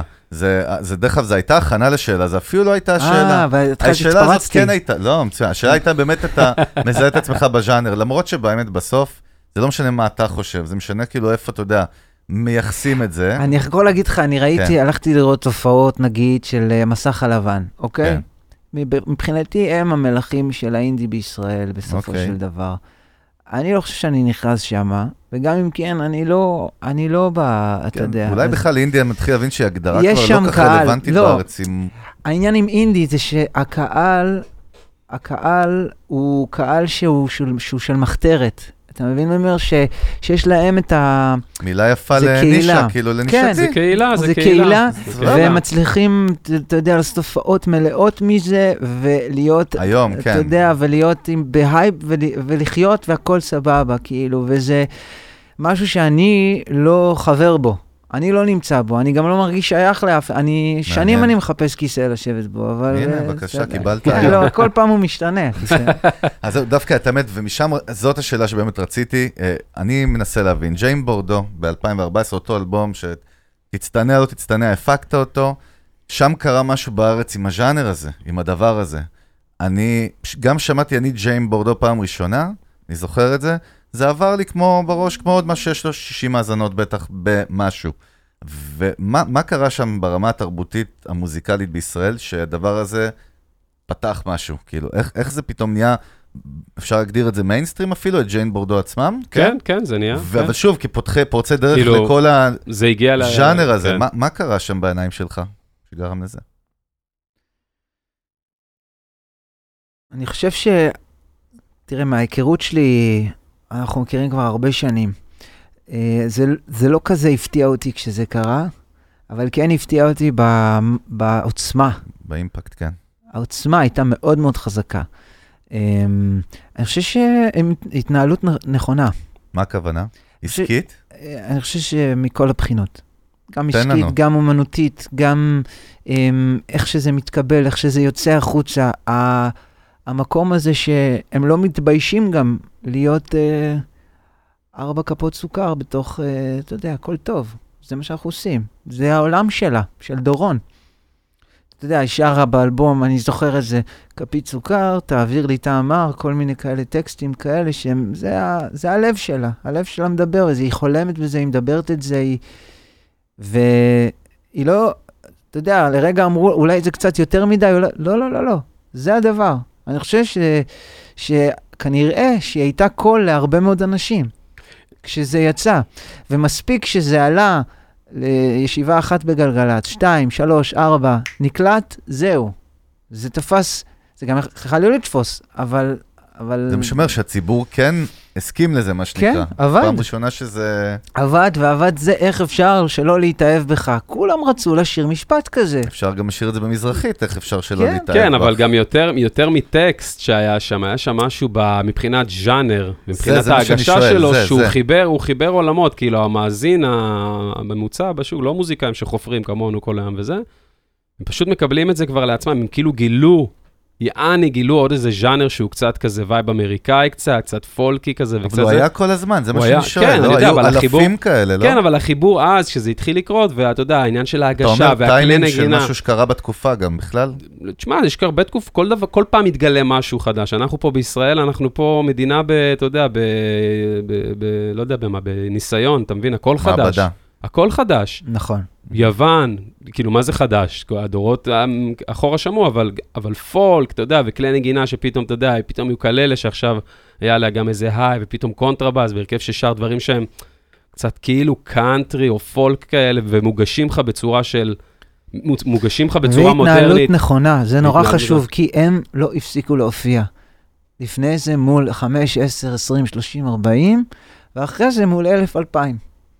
תשמע, וההתנהלות היא אותה התנהלות. הם נכנסו לאוטו אחד עם הקונטרבאס, והמשיכו לנסוע, והקהל שלהם פשוט גדל. אבל תמיד הייתה להם משמעת בתור להקה. וזה משהו, יש הרבה אנשים מוכשרים. הרבה מוזיקאים נורא נורא טובים, הרבה אנשים עם אמביציה ועם רצון לעשות, אבל המשמעת שלהם מפוזרת. ומי שהולך דוך עם הדבר שלו, ומשתנה גם בתוך הז'אנר של זה עצמו, אדפטציות. Mhm. מה זה משמעת מפוזרת למוזיקאים? מה אתה, איזה מוזיקאים, לא עכשיו שמות וזה, שאתה אומר, אוקיי, הם התפזרו, הם עכשיו מתפזרים מדי. אתה יודע, יש לנו הרבה בטח מאזינים שאומרים, וואלה, מה זה אומר בעצם? מה זה אומר להתפזר? כן, מה זה אומר להתפזר? תראה, מה אחד, המחיר של זה גם? זה לעבוד, בואו ננסה לפשט את זה, אוקיי? נניח אנחנו עובדים באולפן ויש וי-פיי פתוח, ואתה עובד כל הזמן עם יוטיוב פתוח, בוא נשמע את זה, בוא נשמע את זה. קודם כל זה לא פייר כלפי עצמך, כי אתה מתחיל מ source הרבה יותר נמוך, אתה שומע כבר master, אז כאילו זה כבר לא פייר, מההתחלה. אז, ודבר שני, אתה, בעיניי אתה חוסם לעצמך את האפשרות ליצור את הדבר שלך. ואני חושב שכאילו השראה אה, צריכה להיות אה, מופרדת מהעשייה עצמה. מה הכוונה? שכשאתה כבר ניגש לעשות, נתקעת, תיתקע. שב שם. עד שתמצא איזשהו חריץ לצאת ממנו, אחרי זה ייפתחו עוד חללים, עוד זה זה זה. ויש את הזמן של ההשראה, הזמן שאתה אוסף. כן, יש זמן לשמוע ויש זמן לעשות. ואני חושב שפה מגיעה המשמעת הזאת, לדעת לבקר, לדעת לאסוף את עצמך רגע לנקודה הזאת שבה אתה יודע שאתה עושה, ואת הנקודה הזאת שבה שאתה אוסף. זה כמו בחקלאות, אין הרבה הבדל. ומה, יפה, nice. ומה עוד ב process הזה יכול לשים מקלות בגלגלים לאמנים, אתה יודע, ברמת הבלבול והחוסר פוקוס, עוד מעבר לאוקיי, השראה. הרצון להצליח, מה זאת אומרת? רצון, רצון יותר מדי, שהרצון להצליח עובר את הרצון ליצור, אז משהו באיזון מתערער, משהו בדבר הזה, בכל ז'אנר אגב. זאת אומרת, בגלל זה, לדעתי בתרבות הפופ, תרבות, איפה אני? בז'אנר, בז'אנר, אתה יודע, בז'אנר של הפופ, יש שם מפיק שהוא אחראי לדבר הזה. זאת אומרת, יש שם מפיק שהוא אחראי ל... לשמור על, ה... על האיזון הזה, שיישאר רגיל. כי הכוכבת היא כוכבת, יוצאת החוצה, היא זה, היא מושפעת מפה, משם, מזה. יש שם מפיק שדואג שהדבר הזה יצא בונבוניירה כמו שצריך, מתי שאנחנו, ש... ליצור את הדבר הזה, אתה מבין? ובז'אנר שלנו של singer songwriter, שאתה צריך לעשות את כל הדבר וזה, והמון פעמים להיות גם מעורב בהפקה באופן אה, אה, מאוד אינטנסיבי והכול, אתה חייב לשמור על, על איזון מסוים. לא, אני גם מתחיל להבין, מתחיל להבין, אני מבין את זה כבר טוב מאוד, שהעניין הזה של מקצועיות, הוא כבר, אה, זה לא משנה איזה ז'אנר אתה, אתה צריך להיות business wise, מקצוען, ואם לא אתה, אז תביא מישהו שיעשה, כן. יבנה את ה brand, מה שנקרא. כן. אי אפשר, ואולי באמת חלק מסוד ההצלחה של ג'יין בורדו, כמו שאתה אומר, מה שבידל אותם אולי, אני חושב, מאמנים אחרים, מעבר לזה שהמוזיקה מדהימה וזה, זה ההתנהלות מראש אולי אסטרטגית ועסקית, אני לא יודע, לפי מה שתומר אומר, מאוד תרם. גם לתת לאנשים שיודעים... עידן רייכל כזה style, אתה יודע. כאילו לתת, לתת לאנשים שיודעים את העבודה שלהם, לעשות את הדברים שאתה לא הכי טוב בהם, או לנווט, או לעשות גם דברים כאלה. שמע, יש אומנים שהם מאוד מאוד טובים בשני הדברים. נכון. הם זכו. המון פעמים, אבל גם יש, האומנים האלה גם נכנסים למקומות מאוד לא טובים עם עצמם, כי ה, זה, ש, זה, זה ממש, כובעים. זה דיאלוג כן, כל כן. הזמן. זה דיסוננס, לא רק דיאלוג. ואיפה אתה כותב, איפה אתה ביזנסמן, איפה אתה מנהל, איפה אתה פריפורמר, זה מאוד קשה. אני למזלי, אין לי. אין לך. אין לי את זה. אתה יודע, אני לא...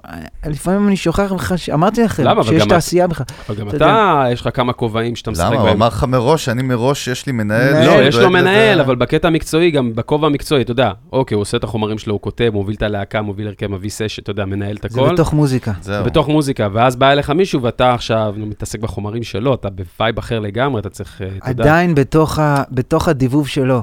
אני המון פעמים שבא אליי מישהו, אני שומע אותו מדבר, קודם כל ספר לי, ספר לי, שומע אותו יושב על הספה, אחרי זה אני שומע שיר. אם יש מרחק יותר מדי גדול בין הספה לשיר, זה המרחק שאני צריך לסגור. וזו הפקה. משל מהמם. אהבתי, הכי מאוד. בוא ניקח את זה, האלבום הבא שלנו, את המשפט הזה. דרך אגב, עכשיו אני רוצה לדבר קצת על הסטיגנצ'ר של uh, תומר כיוצר. אין, שאתה יודע, פעם ראשונה שאלון אמר לי, אני, אני, אני מודה, אני לא שמעתי דברים שלך יותר מדי, uh, של הסולו, ואז אחרי שדיברתי עם אלון, הלכתי והתחלתי לשמוע. חייב להגיד לך שמה שמדבר על ה...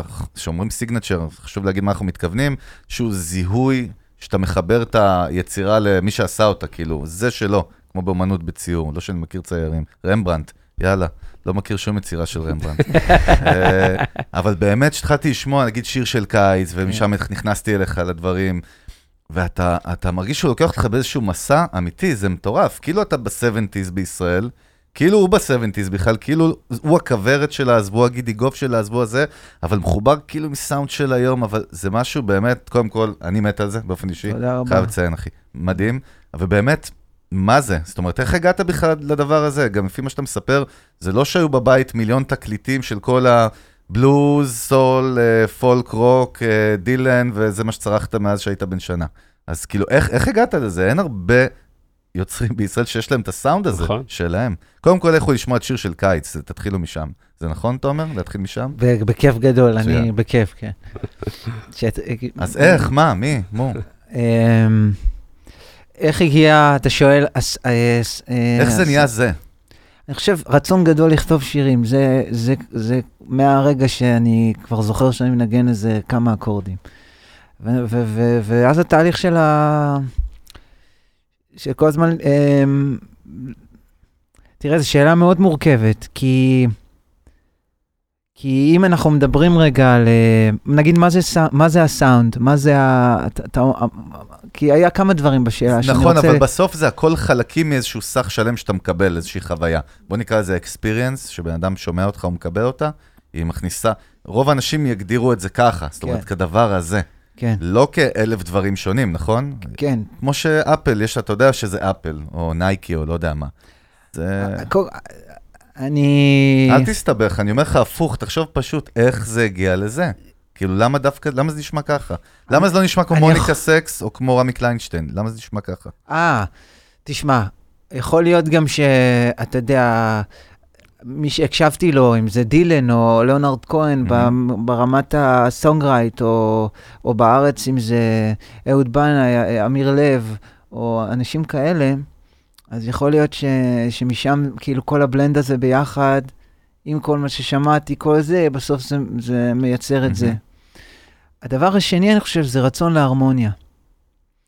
רצון שהדברים יהיו, אתה יודע, יש המון פעמים שאתה, לא יודע, לי זה קורה באופן אישי, שאני עומד בעיר באיזה רמזור במעבר חצייה, וכל הזמן זה קורה לי שאני אה, מרגיש שאני בעולם הלא נכון.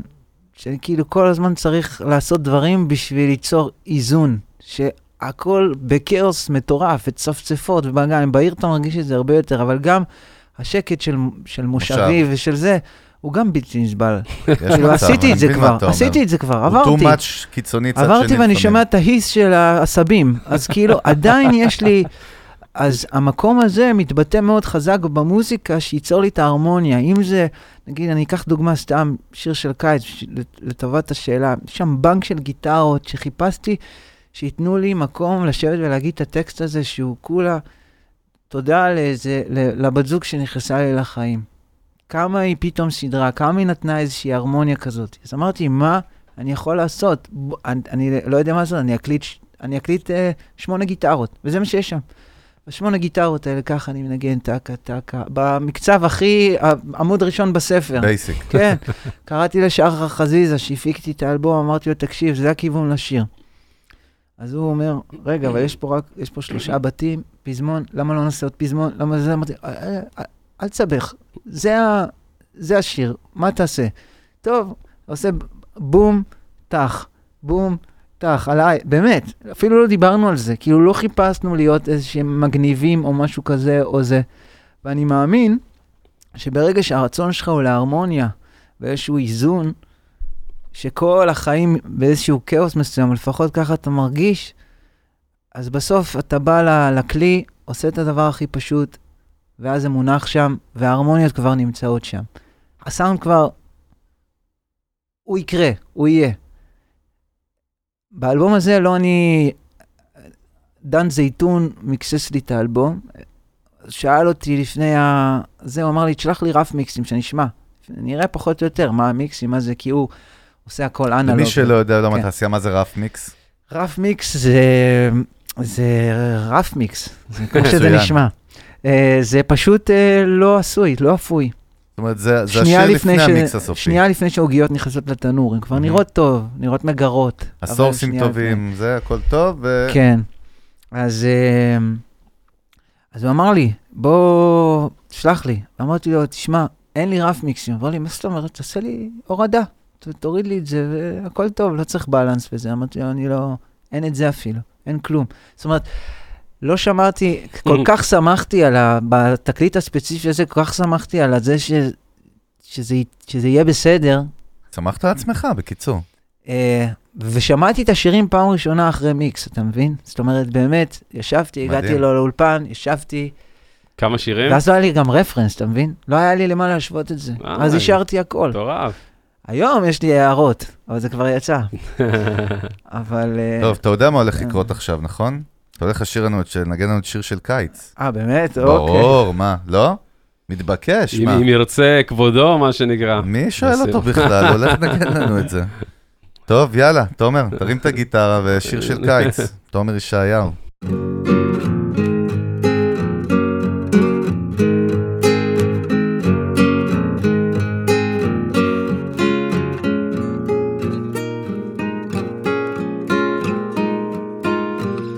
יש לה עיניים גדולות של ים ושיער, ברוך צמר גפן לבן, ארוכה כמו הלילה, הלב שלה מושך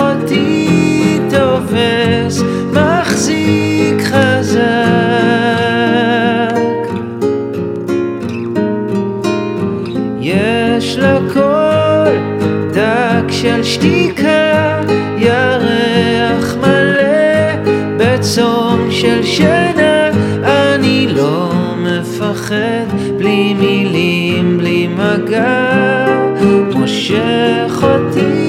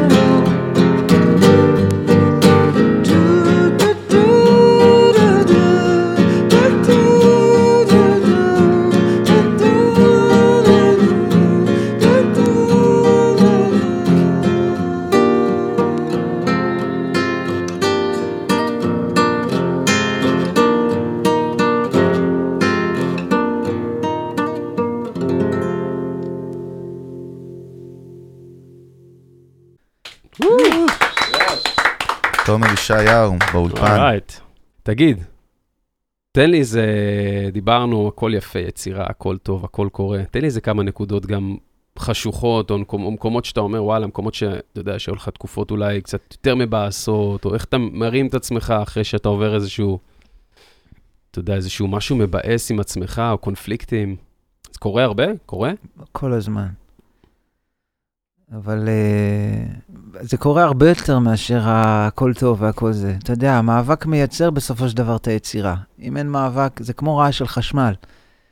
אתה יודע, הערקה, זה גם, זה יוצא מאיזון, אתה צריך לאזן את זה בחזרה. רעש חשמלי הוא לא סתם מגיע.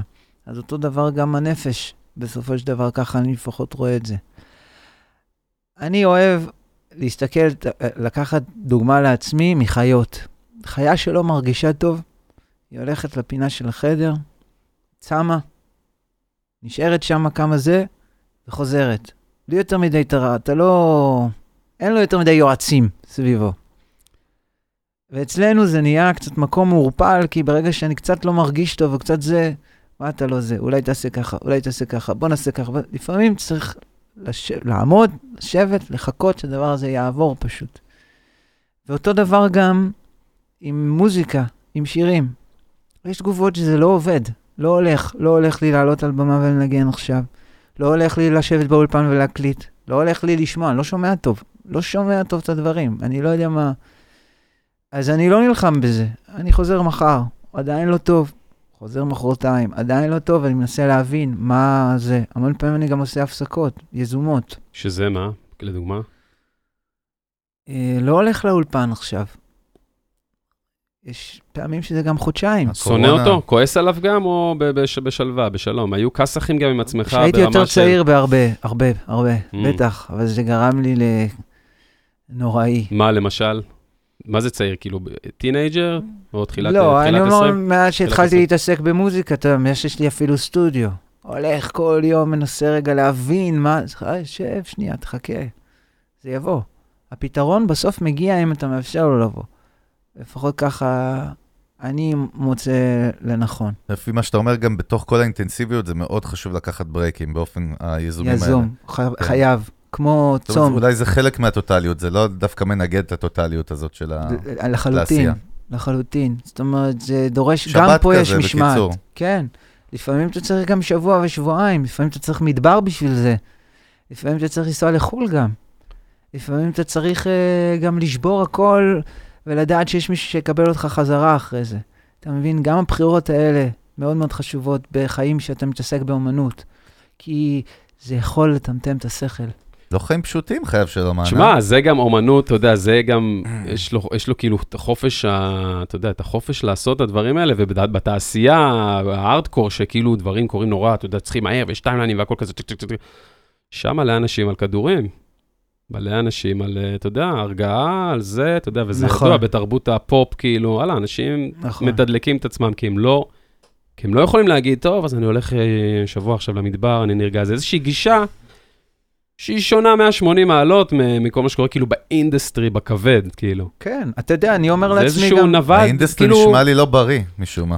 זה כאילו, הוא, הוא כאילו, יש לך חופש, נוודות אה, יצירה, כאילו מעין... זה כאילו אתה אולי איזה broker עצמאי כזה, קוסט vintage broker נקרא לזה, ואז פתאום אתה מגיע לוול סטריט, איפה שכל הכרישים צמאי הדם, ואתה פתאום מבין שפה אם אתה לא שותה דם אה, זה בעיה, או שאתה לא יודע איך מתמודדים עם דם. כן. זה מעניין. אהבת את זה, אהבתי את הדם, כן, אה, נזרקתי שם באיזה וול רגע עם סטריט, הדם. דם, זה, ניסיתי פה להכניס איזה. סצנה. את כאילו צריך ל- לפענח, אז איזה זה נכון. סרטים, על איזה סרטים דיברת ב- ב reference הזה, מאוד נכון? פשוט, כזה חמישה הזאב. מוול סטריט, מאוד. פשוט. טוב, אנחנו ככה, אני, כיף לנו מאוד, אבל אנחנו נצטרך להתכנס תכף לסיכום. ככה, אה, אתה רוצה שזה אחרונה שאני אכניס לסיכום? תפאדל. אז ככה, תומר, לסיום, יש לנו איזשהו מנהג קדום, אלפי דורות שאנחנו עושים פה בפודקאסט. באמת רוצים לשמוע קצת דברים, אה, איזה מוזיקה עושה לך את זה עכשיו, דווקא חדשה או יוצרים, אומנים ישראלים או מחו"ל, תן לנו קצת מה, מה תומר ישעיה אוהב, או על מה אתה מצביע שזה, וואלה, זה הולך להיות.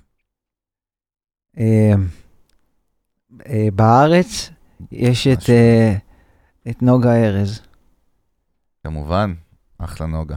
ויש את כל החברים שלי שעושים מוזיקה, שאני לא אמנה אותם, אבל הם יודעים. למה, כמה הם? הרבה, מלא, איש, מלא חברים יש לו. מלא מה, מלא. מהברנז'ה?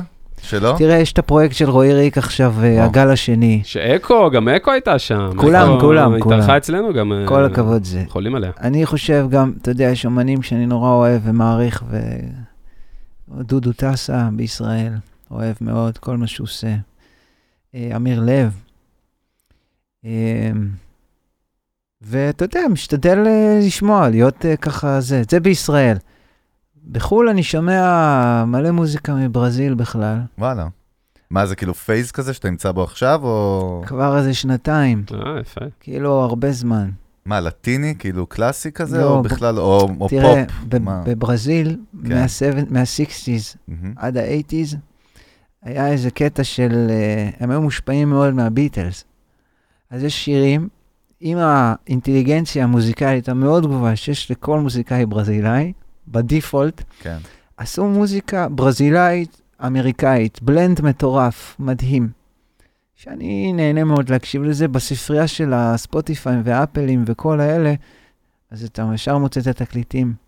יש לך איזה שם לזרוק לנו ככה, כן. לכוון את ה... זה, נשים איזה קישור אחר כך ב... איך קוראים ב description. לפלייליסט? Brazil Beatles music 60's? נשים קישור ב description. אתם יכולים, אבל בגדול יש... תתחילו מז'ורג' בים. כן, בוא נראה. אתכם מהעיתים זה אחד. הגדולים, כן? בברזיל. זה כמו שלמה ארצי כזה שם. אז שאומרים, כן. שאומרים אחד הגדולים ב, ישר אני נזכר בסיפור שלך, אבל זה כבר לפני שמתחילים עם עם עם רוסיה. עם הג'ון לנון של רוסיה. כן, זה- לא רק שאנחנו נספר זה על זה, כבר- בעניינו- לא סיפרנו על זה עוד פה. זה אף אחד לא מכיר את זה. ננסה לעשות משהו יותר מפתיע, אולי שהוא בארץ גם נביא אותו, נביא אותו. וזה יהיה אש. טוב, זה כבר. העניינים בינינו, זה הסיפורים למה? של בוא חגי נפתח כבר. הכל, כמה הרווחת החודש? תומר, יקירי, אנחנו באמת אה, נתכנס לסיכום, אנחנו קודם כל רוצים להודות לך. עונג והכ- והכבוד הוא שלנו, היה לנו כיף גדול. תודה רבה. אנחנו השכלנו ולמדנו והכנסת אותנו למסע ולחוויה שלך, וזה בעצם מה, ש... מה שהיה באמת חשוב לנו, אז בזה הצלחנו, מה שנקרא. אז אנחנו באמת קודם כל רוצים להודות לכל המאזינות והמאזינים, יש כבר, אה, יש קהילה. יש קהילה. מה, יש אה, מנויים שעוקבים, גם בספוטיפיי אפליקציות וגם ביוטיוב, אה, בכל מיני מקומות. אז אנחנו באמת רוצים להודות לכם ותמשיכו לעקוב, להתעדכן אחרי כל פרק. אנחנו בגדול עכשיו, אפשר להודיע, אנחנו בגדול מעלים כל יום, רביעי יעלה פרק רביעי, חדש, זהו, התחייבנו. נכון? לגמרי, אז נכון. באמת כל יום רביעי יעלה בכל האפליקציות ביוטיוב, ואנחנו כמובן בסושיאל מדיה מעדכנים, וגם פלוטו מעדכנים, אז אנחנו רוצים להודות לכם, תמשיכו לעקוב. דברו איתנו גם, כיף לנו לשמוע המון פידבקים מהארץ, מחו"ל שמגיעים אלינו, הערות עם עין או עם א', אה, קהל, שגם אנחנו אה, מביאים. נכון, נכון. אז כל מי שרוצה גם להגיע כקהל לפודקאסט, מה שנקרא מספר המקומות מצומצם מאוד, כן. מאוד, אז דברו איתנו גם, בכלל דברו איתנו, כתבו לנו, אנחנו זמינים, עונים לכולם. כן, תזכיר איפה קורה. אנחנו נמצאים, איך מוצאים קודם כל אותנו. אפשר לכתוב לנו באתר שלנו ב-musicbusiness.co.il, אה, שזה כיף גדול, זה מגיע לנו ישר למייל, וכיף לפתוח את הבוקר עם אה, אנשים, לדבר קצת, תענוג. אה, אפליקציות סטרימינג, כן, סטרימינג, בטח. אה, יוטיוב גם, תכתבו לנו תגובות, הודעות. ואנחנו רוצים כמובן להודות נותני החסות של הפרק ושל כל הפודקאסט הנפלא הזה, וזה אולפני פלוטו המדהימים, ה facility. תומר, תן איזה מילה על פלוטו, מה? תרים. אה, אחד האולפנים הכי מרשימים ב- במזרח התיכון. תודה רבה. אני חושב שזה זה המשפט, זה ה insight שלך. טירת הסאונד, טירת. הסאונד, כמו שהוא קורא. ואבי רוד למה אין את זה בלוגו, האבי תגיד? רוד של ישראל. שי, אנחנו נותנים לך. פה רעיונות לזה, סלוגנים של ישראל. זה. האבי רוד של ישראל. מה זה של אבי ישראל. רוד? רגע, מה זה אבי רוד? טירת הסאונד, אחי. סאונד. castle, בדוק יש. כבר. אז באמת תודה לפלוטו, וזה גם, קודם כל זה בית ספר ההפקה המוזיקלית, זה מזמן כבר לא, לא רק אולפן מטורף, נכון. קומפלקס אולפנים, אה, ויש להם אה, מסלולים, בבית ספר הפקה, מוז- יש מסלול של הפקה מוזיקלית, נכון, יצירה, יש היפ-הופ, מלא דברים, הפקת סאונד, מיליון ואחד דברים, פשוט כנסו לאתר של פלוטו, תראו שם את כל המסלולים ואת המרצים המדהימים שיש פה, חלק מהם שמות מה... באמת מהתותחים בארץ.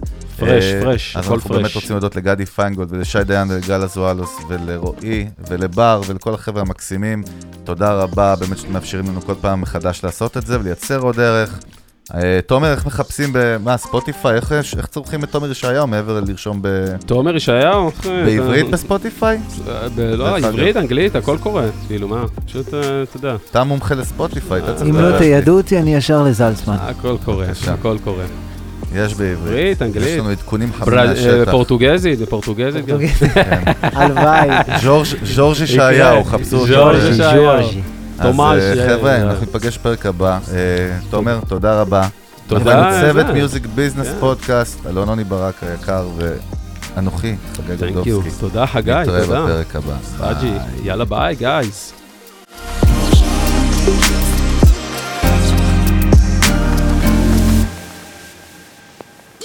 That's me.